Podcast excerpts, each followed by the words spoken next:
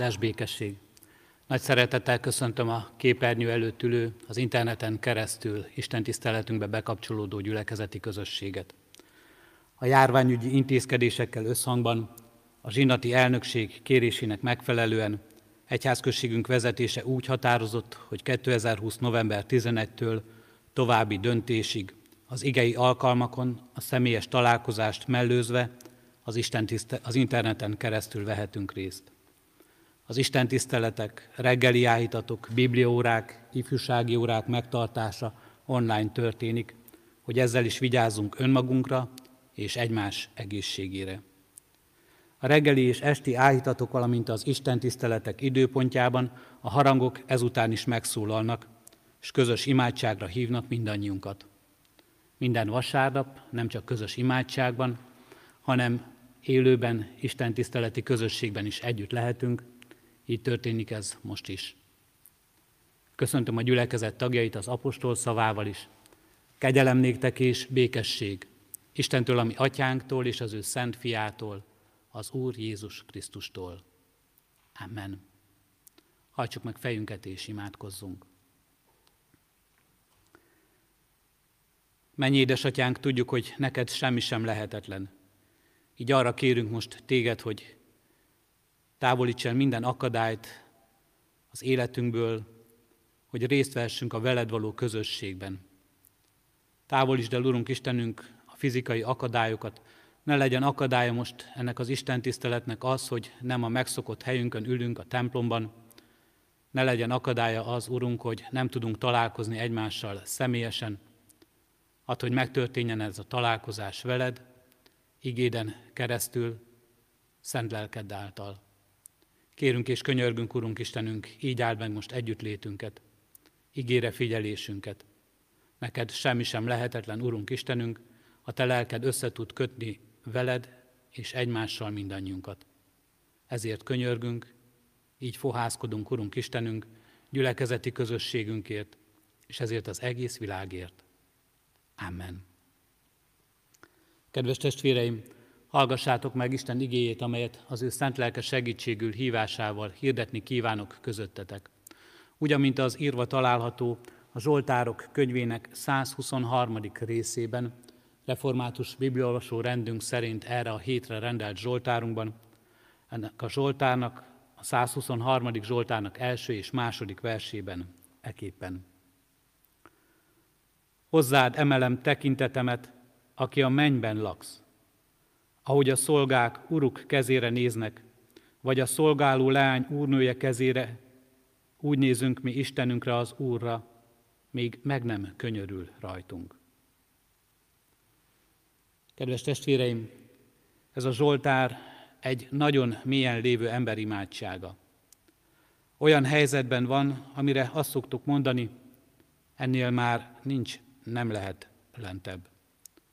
Olyan helyzetben van, amire talán azt is szoktuk mondani, ennél már csak jobb jöhet, ennél már csak jobb lehet. Nem is a teste szenved, sokkal inkább lelki értelemben roppant meg az élete. Vált hasonlóvá talán ahhoz a jobbhoz, akiről szintén most ezekben a napokban olvasunk bibliolvasó rendünk szerint. Megalázzák, kicsúfolják, meggyalázzák, és azt olvassuk, Istenhez kiált. Uram, könyörülj rajtunk, mert torkig vagyunk a gyalázattal. Vannak élethelyzetek, történések, érzések, amik annyira lehúznak minket, hogy azt érezzük, elveszünk. Összecsapnak felettünk, mint sötét mélység hullámai, ezek a történések és ezek az érzések. Ilyen lehet talán a magány.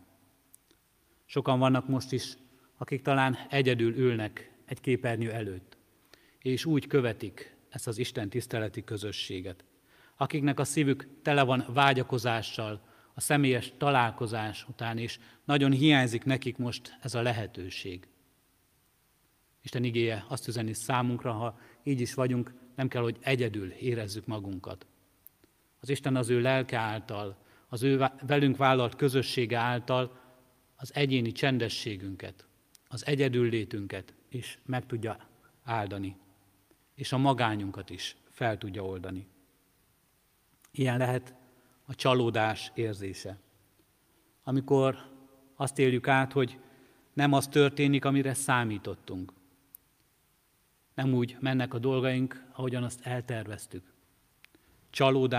Csalódással van tele sokszor az életünk, és ilyenkor dühöt és keserűséget érzünk a szívünkben. Miért nem úgy van, ahogy gondoltam? Vagy miért nem úgy, ahogy más ígérte nekem, és nem csak önmagamban, de másban is csalódok. És sokszor tele van az életünk vesztességgel. Elveszítünk valamit, ami fontos volt számunkra. És most talán ezekben a napokban még fontosabbá lesz olyan dolog, ami máskor csak hétköznapi volt. Akár a személyes találkozás, akár az, hogy szabadon mozoghatunk, oda megyünk, és akkor, ahova szeretnénk, és amikor szeretnénk. Vesztességek az életünkben, és ennél sokkal súlyosabb veszteségek is. A gyász hordozása. Amikor valakit veszítünk el, és tudom, sokan vannak most a közösségben is, akik az elmúlt héten is akár temették szerettüket. Elveszítünk valakit, aki számunkra nagyon fontos volt, aki sokat jelentett. Úgy volt része az életünknek, hogy nélküle szinte elképzelhetetlen az. Mennyi élethelyzet, mennyi történés körülöttünk, bennünk és az egész világunkban, amely úgy érezzük, hogy összecsap fölöttünk, hogy lehúz minket, és amelyben azt látjuk, hogy az életünk nagyon kiszolgáltatottá lesz, és azt érezzük, ennél már csak jobb lehet. Miért történik mindez? Kérdezik sokan. Miért velem történik mindez? Gondolnak sokan saját szenvedéseikre. Miért most történik mindez? Van-e egyáltalán alkalmas ideje ennek? És mire jó ez? Talán ezt is megkérdezik sokan. Ki tud ebből bármi jót is hozni az Úristen? Kérdezik talán hívő szívvel is, Isten előtt lebolulva keresztény emberek. Vannak a Szentírásnak olyan bizonyságtevői, akik el tudták mondani egy-egy ilyen nagy nehézség és szomorúság után, bizony javamra vált a nagy keserűség, hiszen megmentettél az enyészet vermétől, és hátad mögé vetetted minden védkemet, ahogyan Ézsaiás megfogalmazza. Felismerés, hogy milyen mélyen vagyunk, mennyire tehetetlenek vagyunk, felismerése lehet annak is, hogy mennyire szükségünk van Istenre. A betegség felismerése. Felismerése lehet annak is, hogy gyógyulásra van szükségünk. Megkötözöttségeink felismerése. Felismerése lehet annak is, hogy szabadításra van szükségünk. Mit tesz a Zsoltáros, és mire tanít általa minket Isten igéje? ennek a nagyon mélyen levő embernek az egész imádságán végig vonul a kép, hogy merre néz, mire fókuszál a tekintete. Hozzád emelem tekintetemet, aki a mennyben laksz. A testbeszéde árulkodó. Nem lehorgasztott fejjel éli nyomorúságát, hanem felfelé tekint. Felfelé tekint az égre, a mennyekre, és úgy tekint oda, hogy azt látja, nyitott ez az ég, befogadó a mennyek országa, és úgy tekint oda föl, hogy hiszi és vallja, ott az Úristen figyel, hallgatja szavát, látja nyomorúságát. Kire néz? Kire nézzen az ember? Kire nézzünk mi most jelenlegi helyzetünkben, nyomorúságainkban?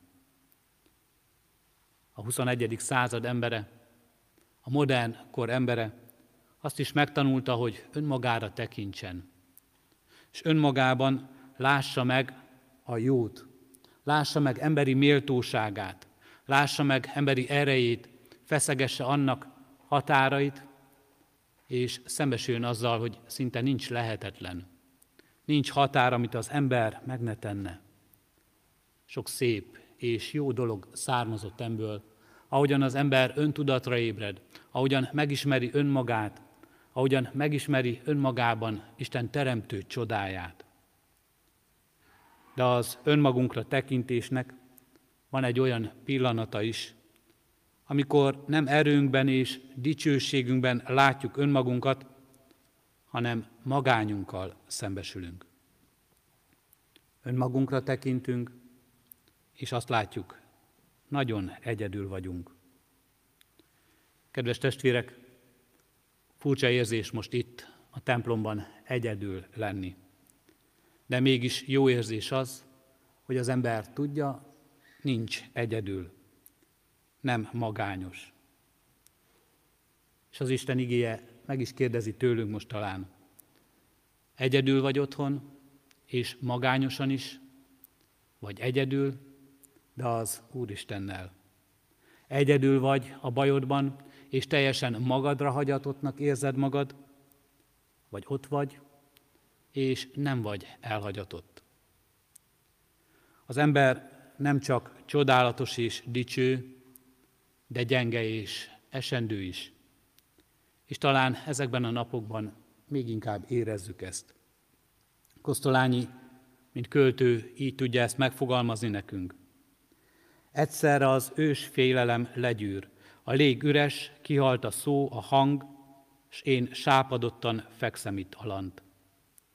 A föld szorít, s fölém végtelenül tágul ki, mint egy kék üvegharang, a végtelenbe nyúló kékes űr. Mire néz az ember? A hívő ember úgy tekint fölfelé, a mennyekre, hogy ott nem űr és üresség várja őt, hanem Isten kegyelmes és szerető tekintete. Az ember, a hívő ember jól tudja, nézhet önmagára, és láthat életében sok jót, erőt és dicsőségeset, nézhet másokra, és mondhatja azt másokkal együtt, a szeretteimmel, a barátaimmal, a segítőimmel együtt sikerülni fog, és együtt sikerülhet sok minden, sokkal több, mint amire egyedül képesek vagyunk, de a hívő ember azt mondja, az együttből nem maradhat ki az Isten. Nem maradhat ki az, hogy nem csak önmagunkra, nem csak másokra tekintünk, hanem az Úristenre is. Istenre néz az ember. Hozzád emelem tekintetemet, aki a mennyben laksz, szólal meg a Zsoltár. Felemelt tekintet, kitárt kéz, az ószövetségi ember imádkozó testtartása. Testbeszéde árulkodó. Azt mondja el, rád számítok. Te töltesz be minden szükségessel. Nyitott előtted, Uram, az életem. Onnan érkezik a segítség, onnan felülről. Ott van a megtartatás. És kedves testvéreim, mi keresztény emberek, új szövetség népe, ezzel a bizonysággal tekintünk így fölfelé az Úristenre, hogy tudjuk, onnan érkezik, és érkezett a segítség és az áldás. Jézus Krisztusban, aki mennyei, a mennyeieket hátrahagyva emberré lett, se földre jött, betöltve azt, amiben Isten meghallgatja imádságainkat, és könyörül rajtunk. És olvasunk egy szép hasonlatot a Zsoltárban, mely így szól, ahogy a szolgák uruk kezére néznek, vagy a szolgáló lány úrnője kezére néz, úgy nézünk mi Istenünkre. Érezhető, hogy ez a kép nem egy rabszolga tartó és rabszolga kapcsolatát idézi elénk. Nem egy szeszélyes uralkodó, egy zsarnok diktátor képe jelenik meg előttünk. Ezt a szolgát nem a kényszer köti urához. A függő viszonyban is bizalom van. Azon gondolkoztam, vajon értheti ezt a képet egyáltalán, értheti-e jól egyáltalán a 21. századi nyugati civilizáció embere. Mi már mindent, ami úrról és szolgáról, szolgálatról szól, csak negatívan látunk. Látjuk benne a szabadság megfosztását. Látjuk benne a kényszert. Látjuk a korlátokat. Látjuk benne és beleértjük a kizsákmányolást. Mindent, ami egy ilyen alávetett, függelmi viszonyból eredhet. Mindent, amit ennek a világnak történelmi tapasztalatai elénk hoznak, ahogyan valóban ember uralkodik másik ember fölött. De a függelmi viszonyokban, és ebben az uralomban beleértjük sokszor azt is, amikor nem ember uralkodik rajtunk, hanem a saját életünk korlátaival nézünk szembe, ahol nem tudjuk megélni igazán, tökéletesen szabadságunkat, ahol azt látjuk, hogy különböző kényszerek uralkodnak rajtunk, ahol korlátaink vannak, és ahol azt látjuk, hogy kifosztottá válik az életünk. Beleérthetjük a vírushelyzetet, a betegséget, mindent, ami rossz, mindent, ami korlát, mindent, ami megfoszt minket a tökéletes életünktől. Pedig valójában, ha jól értjük ezt, itt a földi világunkban is látunk olyan kötelezettségeket, olyan kapcsolatokat, amelyekben ez pozitívan jelenik meg. A szerelemben, amelyben az ember aláveti magát a másiknak. Vagy most talán az a bizalmi kapcsolat, ami orvost és beteget köthet össze. Amikor alávetjük magunkat a nálunk sokkal tanultabbnak, bölcsebbnek, okosabbnak, aki azért van, hogy segítsen, hogy az életünket mentse. Vagy a szülő-gyermek kapcsolatában, ahol azt látjuk, hogy ember hogyan adhatja magát egészen a másiknak oda. Láthatunk erre szép példákat itt a földi világunkban is. És Isten ezeket a példákat elénk is adja, és azt mondja, önmagát mutatja meg ebben. Szerelmesének val minket. És úgy tekint ránk, mint jegyeseire. Gyógyítani akarja az életünket, és mint mennyei atyánk, mint jószülő gondoskodik rólunk, és azt mondja, magam egészen neked adom. Isten népének meghatározó élménye a szabadítás, a szabadító Úrhoz való tartozás. Ennek az Úrnak a kezére néz a Zsoltáros, és látja benne, és elkéri tőle a szabadítást. Mi is ennek az Úrnak a kezére nézzünk, és lássuk meg, és kérjük el az ő kezéből a szabadítást. Ahogyan a Filippi levélben is a napokban olvastuk, az az indulat legyen bennetek, amely Krisztus Jézusban is megvolt, aki Isten formájában lévén nem tekintette zsákmánynak, hogy egyenlő Istennel, hanem megüresítette önmagát, szolgai formát vett fel, emberekhez hasonlóvá lett, és emberként élt. Megalázta magát, és engedelmes volt mind halálig, mégpedig a kereszt halálig. Ennek az Úrnak a kezére néz, és tekint a Zsoltáros. És ennek az Úrnak a kezére nézhetünk, és ennek az Úrnak a kezében tudhatjuk mi is életünket, annak az Úrnak, aki nem zsarnok, aki nem rabszolga tartó, hanem aki szabadító Isten. És erre az Úrra tekintve az ember látja a helyét és az életét ebben a világban. És látja és belátja, bizony különbség van köztem és Istenem között. Az ember nem Isten, de azt is meglátja, hogy az Isten emberré lesz, értünk, és szolgál nekünk. És mi hálából szolgálhatunk neki, és egymásnak is. Meghallgatja imádságunkat, és könyörül rajtunk. Mert ebben a Zsoltárban az is benne van, ha nem is olvassuk így egyértelműen, hogy nem csak a szolga figyel urára, hanem egy figyelmes urunk van. Nem csak a szolga néz, figyel várakozóan a mennybe, hanem a mennyből is kereső tekintet figyel minket, hogy összeérjen a tekintetünk az Istenével. És nem csak néz, de vár is ez a szolga, amíg meg nem könyörül rajtunk az Urunk. És folytatódik is a Zsoltáros imádsága egy kiáltásban, könyörülj, Uram, könyörülj rajtunk. Kiáltsunk így, ami szabadító Istenünkhöz. Kiáltsunk önmagunkért, és kiáltsunk-e világunkért, könyörülj, Uram, könyörülj rajtunk. Azzal a hittel, reménységgel és meggyőződéssel, hogy nem a semmibe és az űrbe száll ez a kiáltás, hanem szabadító Istenünkhöz.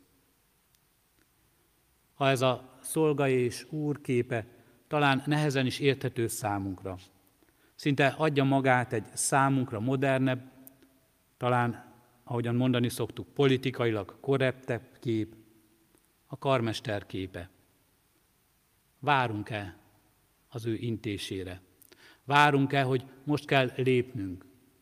Belépnünk az életünkbe és megélnünk előtte az ő vezénylésével, az ő vezetésével az életünket.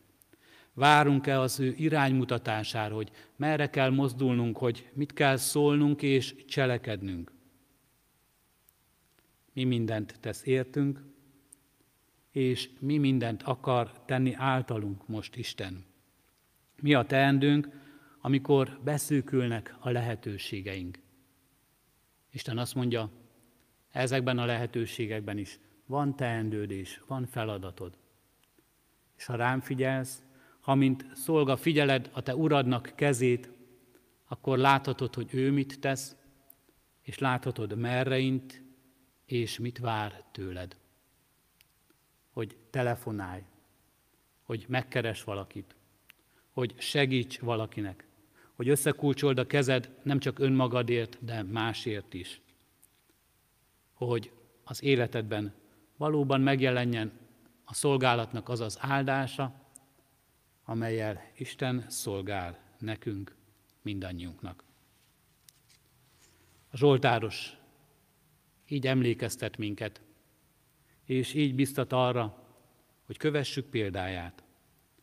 Hozzád emelem tekintetemet, aki a mennyben laksz, ahogy a szolgák uruk kezére néznek, vagy a szolgáló lány úrnője kezére, úgy nézünk mi is Istenünkre, az Úrra, még meg nem könyörül rajtunk. Amen.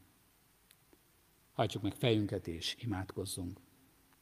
Mennyi édesatyán, köszönjük, hogy nem csak mennyei magasságokban laksz, de itt vagy a megtört szívűekkel, az elesettekkel, a kiszolgáltatottakkal, a nehézségben élőkkel, velünk mindannyiunkkal. Köszönjük, Urunk Istenünk, hogy hallod imádságunkat. Köszönjük, Urunk Istenünk, hogy látod nyomorúságunkat. Segítő, szabadító, gyógyító kezeddel, akaratoddal itt vagy közöttünk. Addurunk, hogy felismerjük ennek áldását és lehetőségét. Addurunk, hogy lássunk tovább önmagunknál.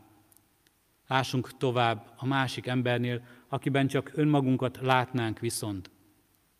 Lássunk téged, a mindenható, a teremtő, gondoskodó, mindeneket fenntartó, a szabadító, a könyörülő, ezt a világot megváltó és örök élettel megajándékozó Urat is. Így visszük eléd, Urunk Istenünk, veled való közösségünket. Áld meg egyéni csendességeinket. Amikor megszólítunk téged, Urunk Istenünk, hát, hogy mi magunk is meg tudjuk hallani a te szavadat. Így visszük eléd, Urunk Istenünk, gyülekezetünknek közösségét.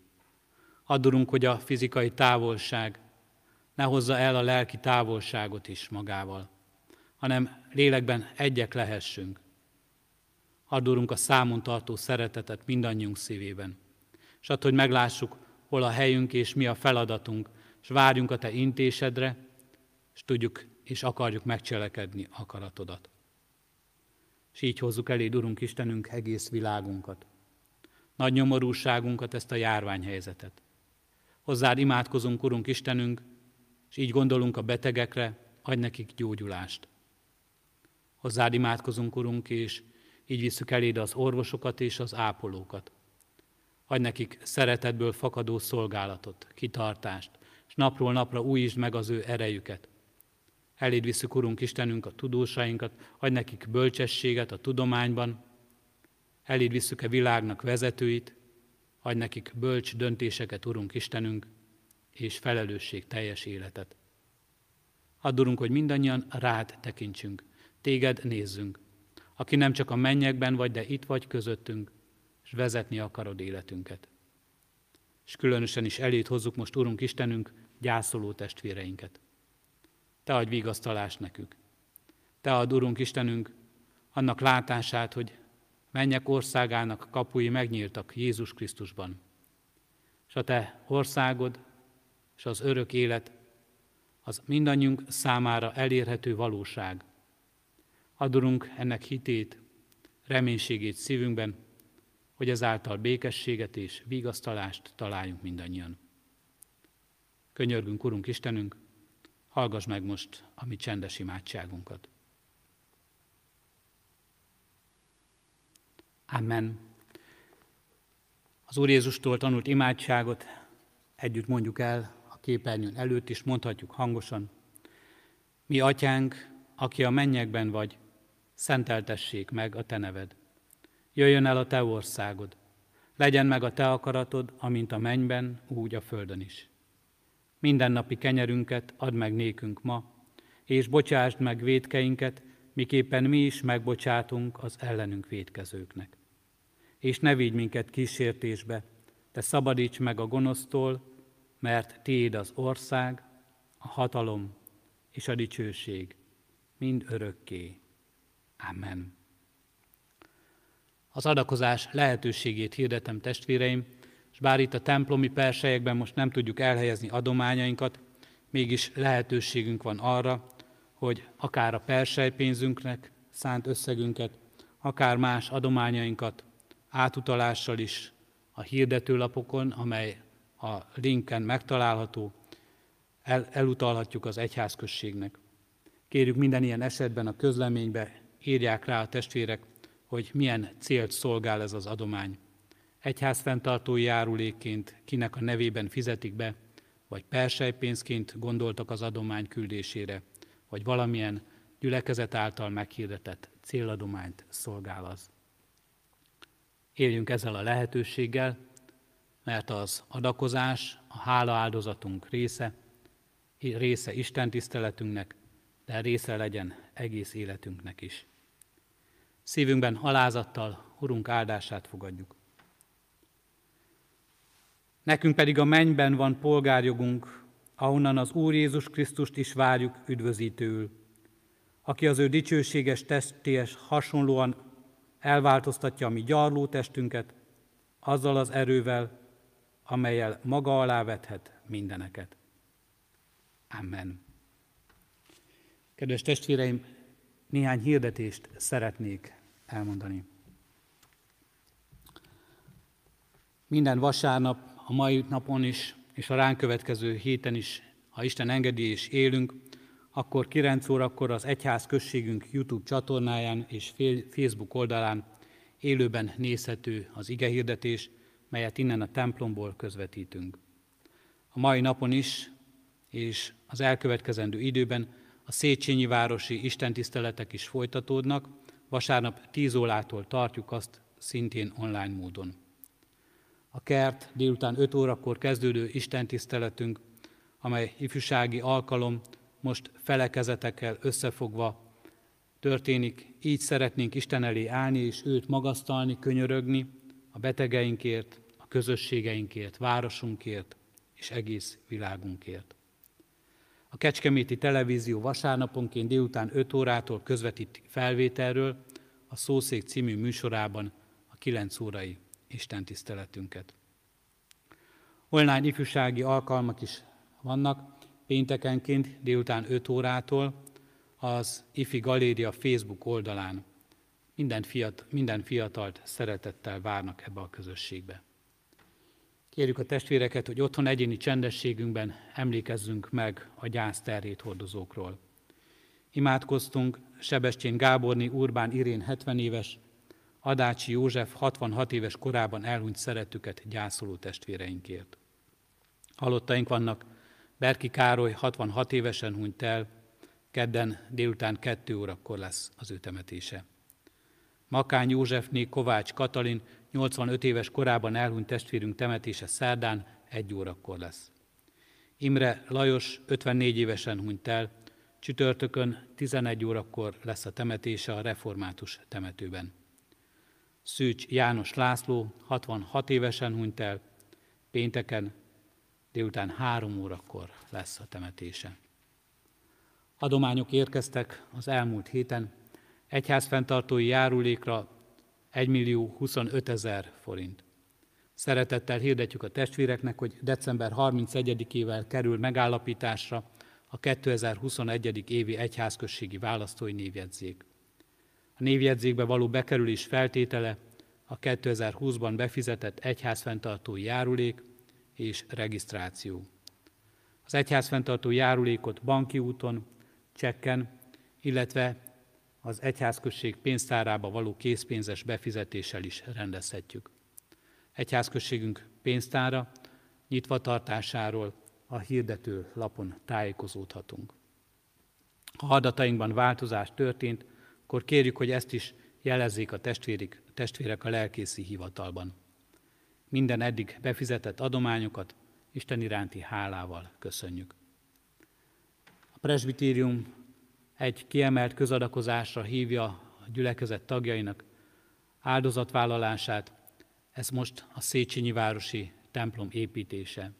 Az elmúlt héten 239 ezer adomány érkezett erre a célra, és eddig több mint 9 millió forint adományt gyűjtöttünk össze.